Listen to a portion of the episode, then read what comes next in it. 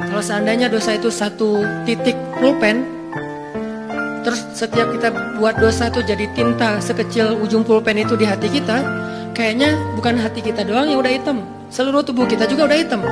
Bukan cuma tubuh kita, sampai area di sekeliling kita tuh udah hitam saking banyaknya dosa. Soalnya di hati udah nggak ada tempat kosong untuk nitik-nitik kayak gitu. Akhirnya taruh di tangan, taruh di jadi tato semuanya terus di lantai. Saking banyaknya dosa kita. Begitu kita datang kepada Allah, belum beramal soleh, baru mau datang. Astagfirullahaladzim. Langsung Allah sediakan menu istighfar, taubat dengan menu yang sangat istimewa. Jadi Allah tuh kangen kepada pendosa karena pengen ngampunin dosanya kangen kepada orang yang banyak masalah karena pengen ngasih solusi dalam masalahnya.